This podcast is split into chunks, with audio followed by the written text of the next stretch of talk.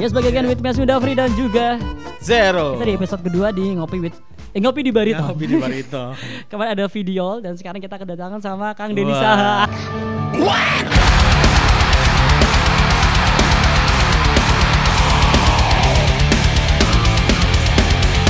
Ini seru ini. Ini seru nih.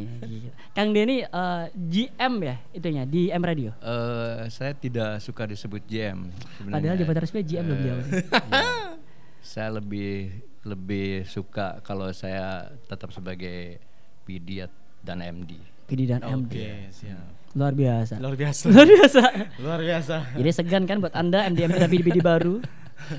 Oke. Luar biasa. Kang gimana kabar? Baik. Alhamdulillah sehat Alhamdulillah saya sehat. jauh ini. Alhamdulillah. Terima kasih Kang udah mau datang. Eh, Iya, terima sama-sama kasih. terima kasih juga udah diundang di Bariton Podcast Radio. Yes. Keren, Uh, keren. Ini sebenarnya dari tadi jam 3 udah di sini Kang Denny. Iya sih. Jam Iya. 3 lebih, jam 3 lebih. Jam 3 Saya lebih? kan jam 3 sempat bilang saya telat dulu ya. Iya. Eh, Enggak kok. Yang telat Enggak sih. ada acaranya. Anak-anak yang telah. Oke. Kalau tadi kita ngomongin tentang podcast, kita nggak ngomongin tentang podcast deh, Kang. Iya. Sekarang kita ngomongin tentang musik-musik deh, ya. Oke. Musik-musik kan kalian iya Zero ya. benar. Siap, Lebih ringan siap. lah ya. Lebih ringan Iya. ya. Tadi berat banget soalnya Berat, pada ya. berkecamuk tuh di luar. Iya. Duh, Indonesia atau Surabaya Podcast Community tuh. Kang Denny, Kang, aku mau nanya nih, eh, paling paling dasar deh sebuah pertanyaan yang dari dulu pengen banget aku omongin gitu. Kang Denny dari tahun 80-an di dunia radio. Iya, Eh, pas tahun 80. pas tahun 80. Pas tahun 80. Sampai detik ini, kenapa kok iya. concern banget terutama di Surabaya? Kenapa kok concern banget sama teman-teman komunitas musik sih, Kang? Em, sebenarnya saya ke musik mungkin baru mulai tahun 2000 eh, 2006. 2006. Saya baru baru mulai eh, Sebelumnya di apa kan? eh, enggak juga sih. Fokus radio aja ya? Eh, fokus radio, saya lebih ke arah fokus radio. Kebetulan di 2006 karena waktu itu kita eh, lebih sering berhubungan dengan teman-teman eh, musisi eh, band. Eh, saya pikir waktu itu kayak menarik kali ya kalau saya coba untuk eh, lebih menyelami sih sebenarnya tentang band, tentang musik di Surabaya seperti apa sih. Jadi praktis 2006 lah ya saya baru mulai berkenalan dengan teman-teman band sih. Berkenalan ya dengan segala problematikanya akhirnya. Ya, ya. Dengan segala kerutannya. Waduh, bukan saya yang bilang, Oh, iya. si Zero yang bilang. Pelaku kan kita kan. Tapi sebenarnya kan dari skala 1 sampai 10 seruat apakah sih? Eh, kalau misalnya eh, saya sih nggak bilang ruwet sih sebenarnya yang bikin ruwet bukan saya sih sebenarnya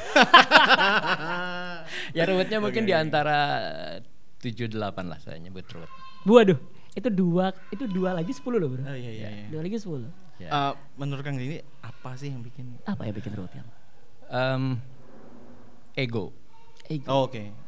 Itu hanya untuk eh, maaf ya, hanya untuk kebanyakan teman-teman musisi Surabaya aja kah? Atau memang kebanyakan teman-teman musisi seperti itu di Indonesia misalnya? Eh, karena saya memang lebih di Surabaya sementara ini lebih di Surabaya eh, fokus dengan teman-teman di Surabaya. Mungkin mereka ya kenapa saya bilang ego? Karena eh, saya mencoba mencari tahu di luaran sana seperti apa sih bagaimana mengelola sebuah band bagaimana eh, tentang karya untuk sebuah band agar bisa diterima bagaimana eh, band ini melakukan eh, proses untuk sampai tahapan menjadi eh, didengarkan orang banyak menjadi tahapan eh, popularity dan sebagainya saya sudah bicara banyak hal yang seperti itu tapi ya tetap saja mungkin saya dianggap lu siapa deh?" Widih. Aduh. Aduh, 2020 tanya Kang Denny siapa? Iya. Gimana sih? Mainnya kurang jauh tuh anak. Kurang jauh. Problematika eh, krusial kalau ego lebih ke mana sih kak? Idealisme musik kah? Atau lebih ke per- personal, pribadi? Em, ya, ya mungkin ini jadi jadi gabungan sih sebenarnya Hmm. bahwa ego ini ego eh, para eh, praktisi musik ini adalah tidak hanya on- dari pribadinya, tapi kemudian ini akan menjadi bagian eh, dari sebuah kelompok. Bagaimanapun ego ini yang pasti akan memasukkan mungkin kan kelompok jalan sendiri kalau Iya. tidak ada masukan dari egonya sendiri seperti itu. Nah hal yang seperti ini saya malah berpikirnya adalah eh, yaitu tadi tidak menganggap orang bicara Iya. bisa jadi kan dari seperti itu Iya, iya. apa mauku saja gitu kan tapi sementara kan kalau kita ini berbicara membicarakan atau menyampaikan adalah apa yang saya tahu, apa yang di luar lakukan dan kemudian itu melihat ada sisi keberhasilan dari mereka, perlu dong saya menyampaikan agar bahwa teman-teman saya pun juga coba lakukan ini. Karena melakukan ini adalah bukan atas nama saya pribadi sebagai orang yang apa eh, melihat musik saja, tapi ini orang-orang yang berkecimpung di bidang musik yang mereka melakukan itu dan itu kemudian berhasil. Tapi ya saya selalu bilang sama teman-teman, omongan saya adalah cukup masuk telinga kanan dan kemudian keluar telinga, keluar telinga kiri. Udah selesai seperti itu. Ya, atau mungkin itu tadi, halo siapa? Tapi gak capek loh Kang Denny, tau gak sih? Iya sih. Dari dari mulai zaman eh, saya tahu eh, Mahagita tuh dari yang Ya. dulu banget Ya. tahun 2007 ya? Eh 2008 gak sih? 2008. 2008, Mahagita eh, dengan eh, format yang waktu itu ya. Ya, Sampai sekarang Malah kita blues ya dulu ya. enggak sebelum itu pop. Oh. pop, sebelum Oke. itu pop tahun 2008. Aku taunya blues sih, soalnya kan pernah main sepanggung sama di Foreplay kalau nggak salah. Oh iya. Iya, betul. Tahun 2000 Nah. berapa tuh? Berapa ya 2010 kali? ya? Nah itu pun juga ada ceritanya sebenarnya kenapa kemudian eh, eh, 2006 ke 2008, 2007, 2007 eh, sebelum Mahagita juga ini cerita sedikit cerita saja. Eh, sebelum Mahagita, saya kebetulan juga diminta untuk eh, nge-manage sebuah band. Saya pikir, oke ini belajar buat saya. Ini akan ada ilmu. Ketika saya akan manage sebuah band, saya akan ada ilmu. Apa yang saya eh, apa pikirkan, apa yang harus saya lakukan terhadap band ini, apa yang kemudian saya pernah Nah, coba melihat dari eh, mereka yang sudah berhasil, ini saya terapkan di band. Oh, contoh oke. contoh kasus yang paling gampang adalah pada saat kemudian band itu main dan kemudian itu dibayar, maka kemudian bayaran akan habis Iya. karena dibagi. Iya, Ya, ha, ha. dibagi untuk Iya, personal dan kemudian selesai. Saya tidak pengen seperti itu. Saya bersepakat dengan band bahwa semua keuangan semuanya akan saya pegang, semua yang akan saya atur. Bukan karena saya sebagai seorang manajer, enggak. Tapi kan memang fungsinya juga manajer Iya, begitu, iya, manage, memanage ya. mereka Manage, dan ya. sebagainya, termasuk di masalah keuangan. Saya bersepakat dengan mereka. Kalau kalian dapat 500 ribu, Hmm. maka kalian cuma dapat 50 ribu satu kali main. Sisanya adalah tabungan. Tabungan kalian yang akan saya pegang Oke. seperti itu. Artinya kalau lima player, saya hanya mengeluarkan uang 250 ribu, tapi 250 ribu adalah sisanya yang akan menjadi tabungan. Begitu seterusnya saya lakukan sampai kemudian akhirnya bahwa band ini punya tabungan.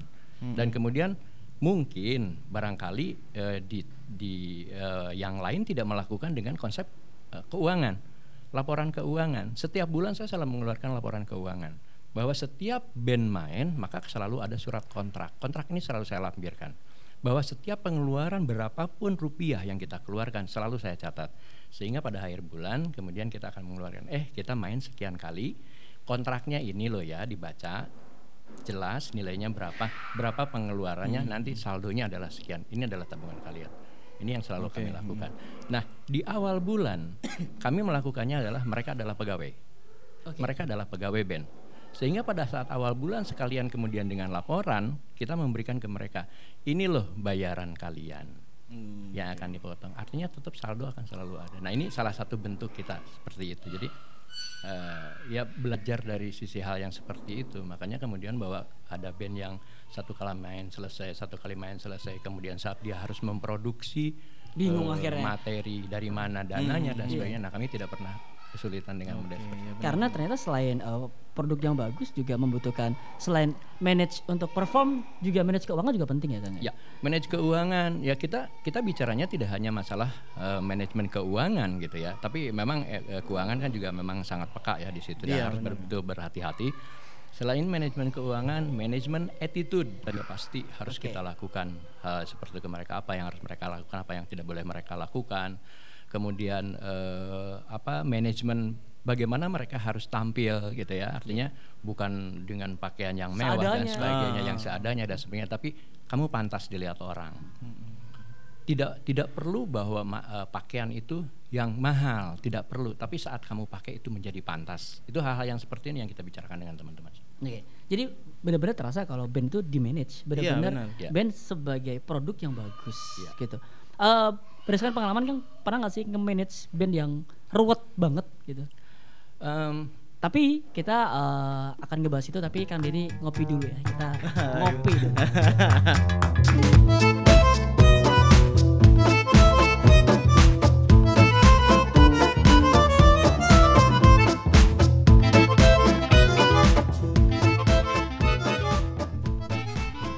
Ya, sambil santai.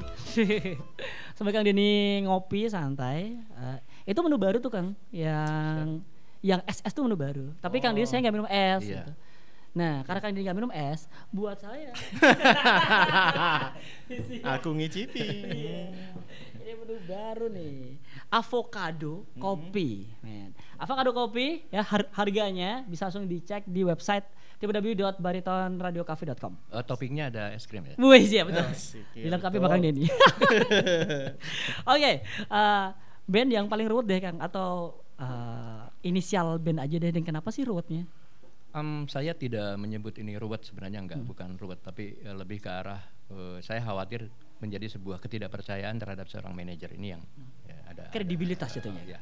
Eh, saya lupa lagi bandnya ya, tapi ada satu yang kebetulan masuk di. saya tidak menyebutkan juga ini sebagai sebuah manajemen enggak, Hmm. karena saya lebih ke arah Anda mau saya bantu, oke saya bantu Eh, untuk promosi. Ap- untuk apa lebih tepatnya apa itu kan? Genrenya Menyebut apa? Maksudnya kan nggak mau nyebut manajemen tuh. Em, eh, apa ya enaknya? Ah, apa ya yayasan sih. paguyuban. Yayasan, yaya- Paguyuban. yayasan non komersil. ya sekali lagi juga saya perlu tegaskan juga bahwa eh, selama saya memang menco- mencoba membantu teman-teman ini adalah non komersil sih saya. Hmm, lebih ke arah- Non-komersil? Non-komersil. Saya lebih ke arah saya pengen mencoba membantu teman-teman cuma itu aja. Oh, padahal kalau Hmm. bisa kita bilang sebenarnya musik itu lahan basah loh sebenarnya. Oh yoi. Betul, betul. Tapi Lahan saya basah tidak sekali. tidak berpikir ke situ. Melihat dengan teman-teman ini lebih ke arah uh, saya punya uh, link di di media. Uh, saya punya keinginan untuk membantu teman-teman. Ya udah kalian mau memanfaatkan saya silakan manfaatkan saya udah itu aja. Hmm. Jadi jadi misalnya di Mahagita atau di sebelumnya Mahagita uh, Dadu dulu Oh iya, Dadu. kita kita menyebutnya ke mereka lebih ke arah oke I'm your father gitu ya. Kasarannya gitu aja. Bapak lo Jadi keluarga gitu. Jadi keluarga aja lah gitu loh. Jadi saya yang akan ngatur. Makanya kamu harus harus manut gitu karena tidak mungkin ada orang tua yang mau menjerumuskan anak. Itu bagus tuh, Iya keluarga. Jadi kalau misalnya kamu nge-manage band bilang keluarga, nurut kata bapak. keluarga. Betul tuh, Oke. istilah baru. Bisa, bisa, bisa. Dan ini pertanyaan juga yang eh, lama saya ingin tanyakan gitu. Kang Denny eh, Jamaka. Jamaka ini sebenarnya apakah label eh, manajemen kah? Eh, saya lebih ke arah menyebutkan ini sebagai publisher ya. Publisher ya, Publisher, Jamaka ya. publisher. Boleh tahu sih Jamaka itu apa? Artinya, filosofinya mungkin? Eh, Kenapa anak-anak. Jamaka gitu? Oh. Eh, Kenapa? anak dari anak-anak. oh, dari anak-anak. Ya. Oh, Oke. Jamaka dan Oh, siap. Yoi brother, thank you brother. Oke. Dan untuk saat ini Jamaka sedang mempublish siapa berapakah? Siapa saja Siapa gitu. saja? Sebenarnya Jamaka sudah beberapa beberapa talent sih kita yang yang kita coba publish lewat Jamaka. Saya lupa lagi tapi yang terakhir ini eh, yang masih tercantum di saya ada LTK. eh, walaupun dia sekarang baru mau akan rilis lagi. Kemudian ada eh, Mahagita sudah pasti sih ada di kita. Em, kemarin sempat Depuci juga di- under Jamaka sih Oh iya? untuk publi- untuk publishingnya. Kemudian yang paling Depuci apa maaf? Ya Putri Depuci ya. Oh, ya, Putri Depuci. Ah, Oh, iya. Depuci. Tapi mungkin ya nggak nggak lama sih ini karena nanti akan di eh, take over. Kemudian eh, yang paling baru ada Brina.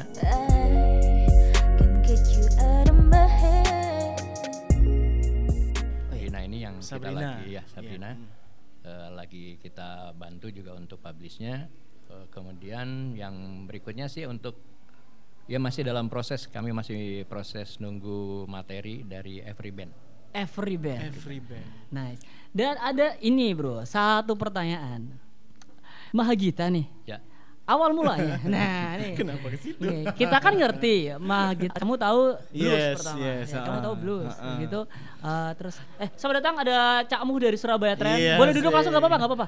Ini ada Cak Muh dari Surabaya Trend. Boleh duduk Silakan. bergabung. Silakan, silakan. Monggo, monggo. Gak apa-apa. Santai Kita aja. Santai ngobrol, santuy. Santuy aja. Oh, siap, siap, siap, siap. siap. J- Jadi eh, teman-teman, eh, Cak Muh ini adalah dari Surabaya Trend, bisa langsung di follow Instagramnya ya @surabaya Trend teman-teman. Oke, Oke, kembali terus ke Mahagita. Kembali ke Mahagita. Eh, taunya adalah eh, waktu itu blues. Ah, ah, aku taunya blues sih. Aku taunya waktu itu jagat sudah pop waktu itu. Iya. Oh besar banget masanya men. Iya. Kemudian sempat berganti-ganti konsep. iya. Kenapa memilih? Kenapa memilih untuk konsep yang baru ini? Apa aku kudu dadi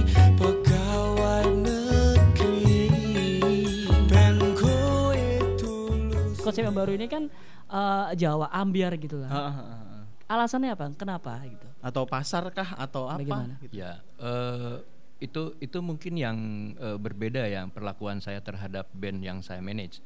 Artinya bahwa eh, band ini tidak melulu harus harus berdasarkan keinginan diri saya diri sendiri. Tapi seharusnya kalau versi saya adalah bahwa band ini di mana orang suka maka nyebut itu. Ya kan? Kenapa? Karena eh, band atau artis atau musisi sebenarnya kan dia menginginkan adanya popularity, Hmm. menginginkan ada pendengar yang banyak, menginginkan ada follower yang banyak.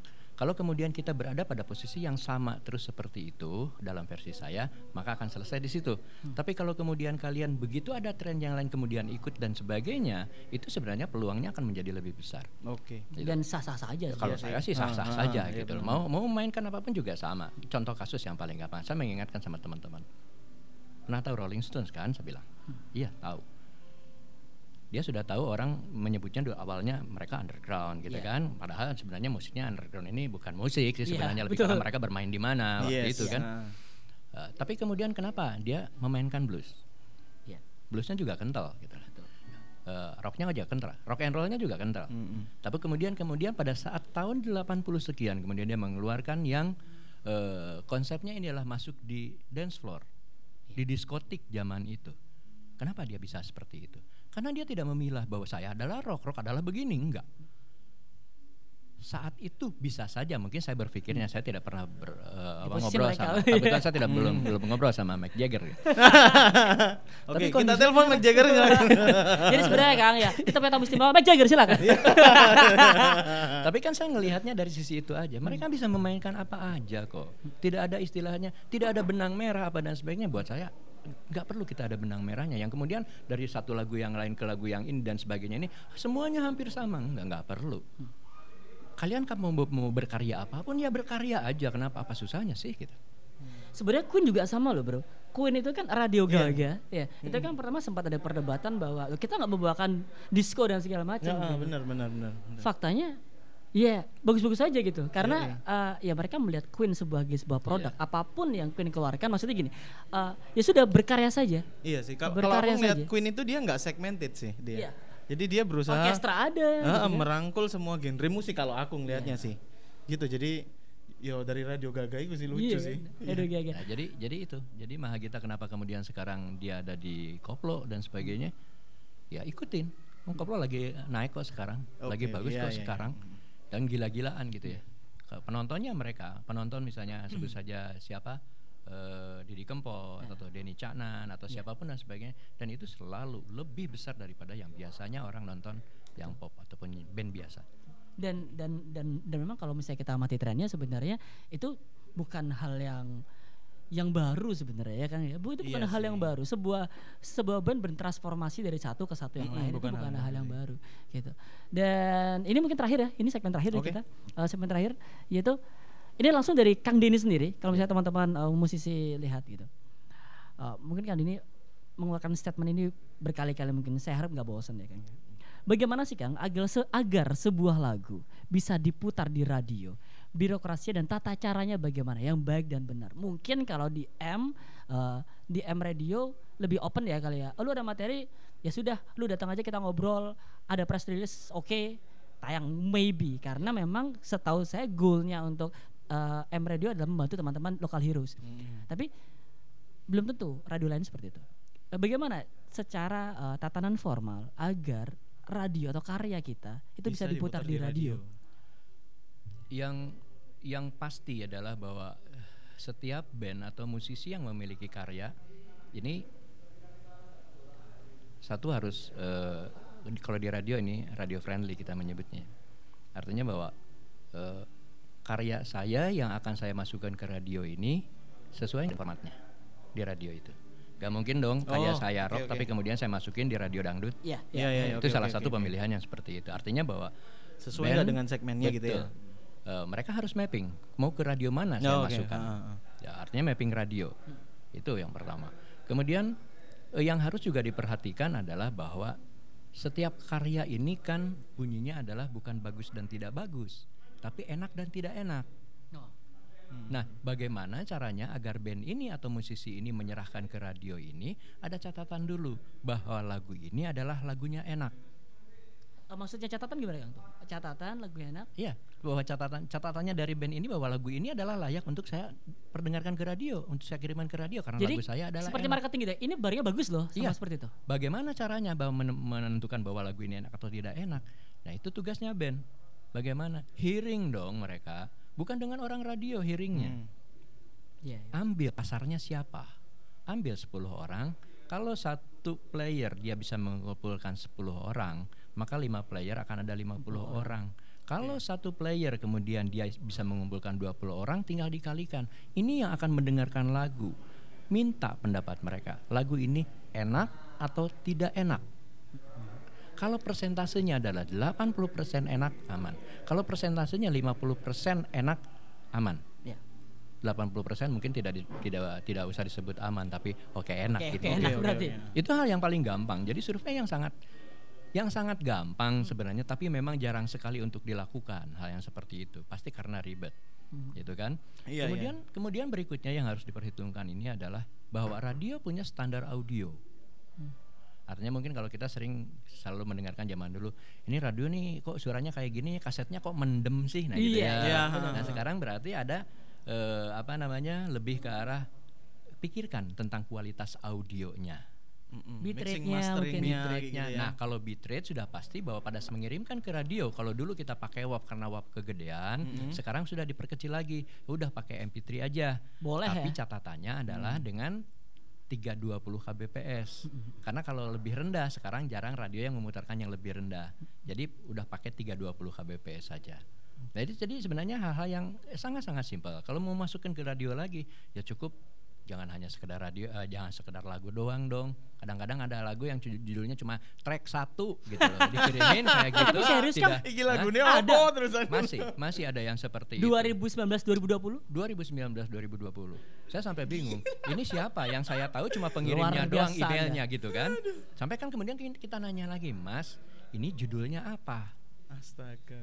ini penyanyinya siapa sampai saya seperti itu nah bayangkan kalau hal yang seperti itu dilakukan ini kalau misalnya bukan saya kali ya udahlah saya ngapain komunikasi sama mereka nah ini bahaya Iya betul. Iya sih, iya iya iya iya. iya. Nah ini harus dilengkapi artinya bahwa kalau misalnya itu lagu ini sudah ada judulnya kan bisa di rename gitu kan jangan cuma track doang di rename misalnya eh, artisnya siapa judul lagunya apa kemudian nanti jangan lupa ada press release kirimkan juga press release-nya dilengkapi dengan press release-nya. Kalau misalnya nggak ngerti tentang bagaimana cara penulisan press release silahkan ke bariton sini Ah, ngobrol-ngobrol how Iya. to. Make a press release. Ah, gitu kan? Itu ya seperti itu. Terus ada lagi yang yang juga mereka selalu tidak pernah pikirkan adalah mereka tidak pernah atau jarang sekali yang mengirimkan profil foto profil band. Kalaupun mereka ada itu ala kadarnya bagaimana nilai jualnya bisa kelihatan Kadang Kalau pakai misalnya handphone gitu itu. aja dia. Iya iya iya iya. Kadang Nah, itu, ada pakai itu handphone. jangan seperti itu. Bikinkan artwork yang bagus, bikinkan foto yang bagus, gitu kan. Ini justru akan paling tidak media akan melihat, oh ya keren ya, Hmm. walaupun setelah didengarkan, oh begini ya. Nah, enggak, itu ah, awalnya bagaimana first impression Betul. yang harus Ya, kita mereka buat. Yang penting looknya bagus gitu. Ah, gitu dulu. Tapi kemudian mereka akan mendengarkan. Nah ini lengkapi hal-hal yang seperti itu. Sangat-sangat simpel kok sebenarnya. Bahwa Jadi kemudian simple hanya saja terkadang orang-orang itu eh, keinginan untuk gitu.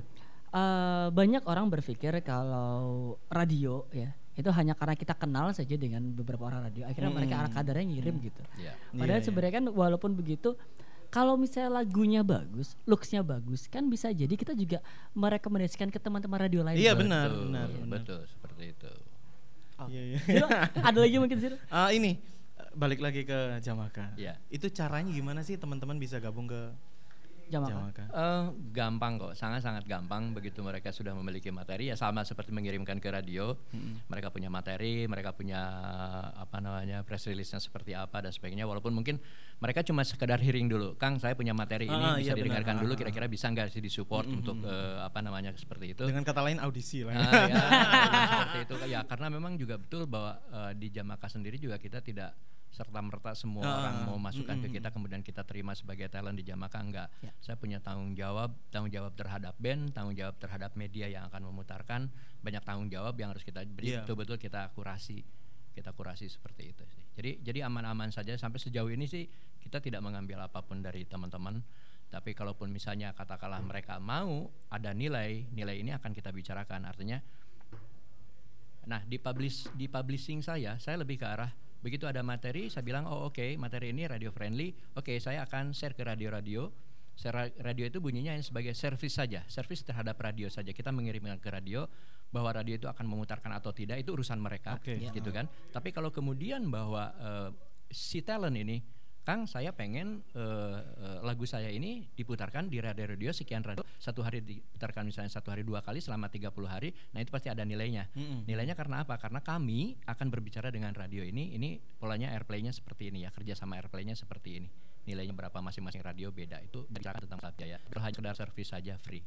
Oke. Asik. Ya sebenarnya eh, sama gini, sebenarnya ya sama sih. Kalau misalnya untuk sekedar minta tolong saja, oke. Tapi kalau misalnya saya ingin ada engagement lebih ya jelas, Ah, ah, gitu Iya. kan. Oh ya, cuma eh, cuma ada lagi satu sih kalau untuk yang em, promosi di digital di platform digital itu memang ada ada biaya registrasi. Tapi biaya registrasi pun juga itu di kita ambil untuk yang sifatnya adalah apabila keuntungan 100% dari eh, digital itu adalah untuk artis.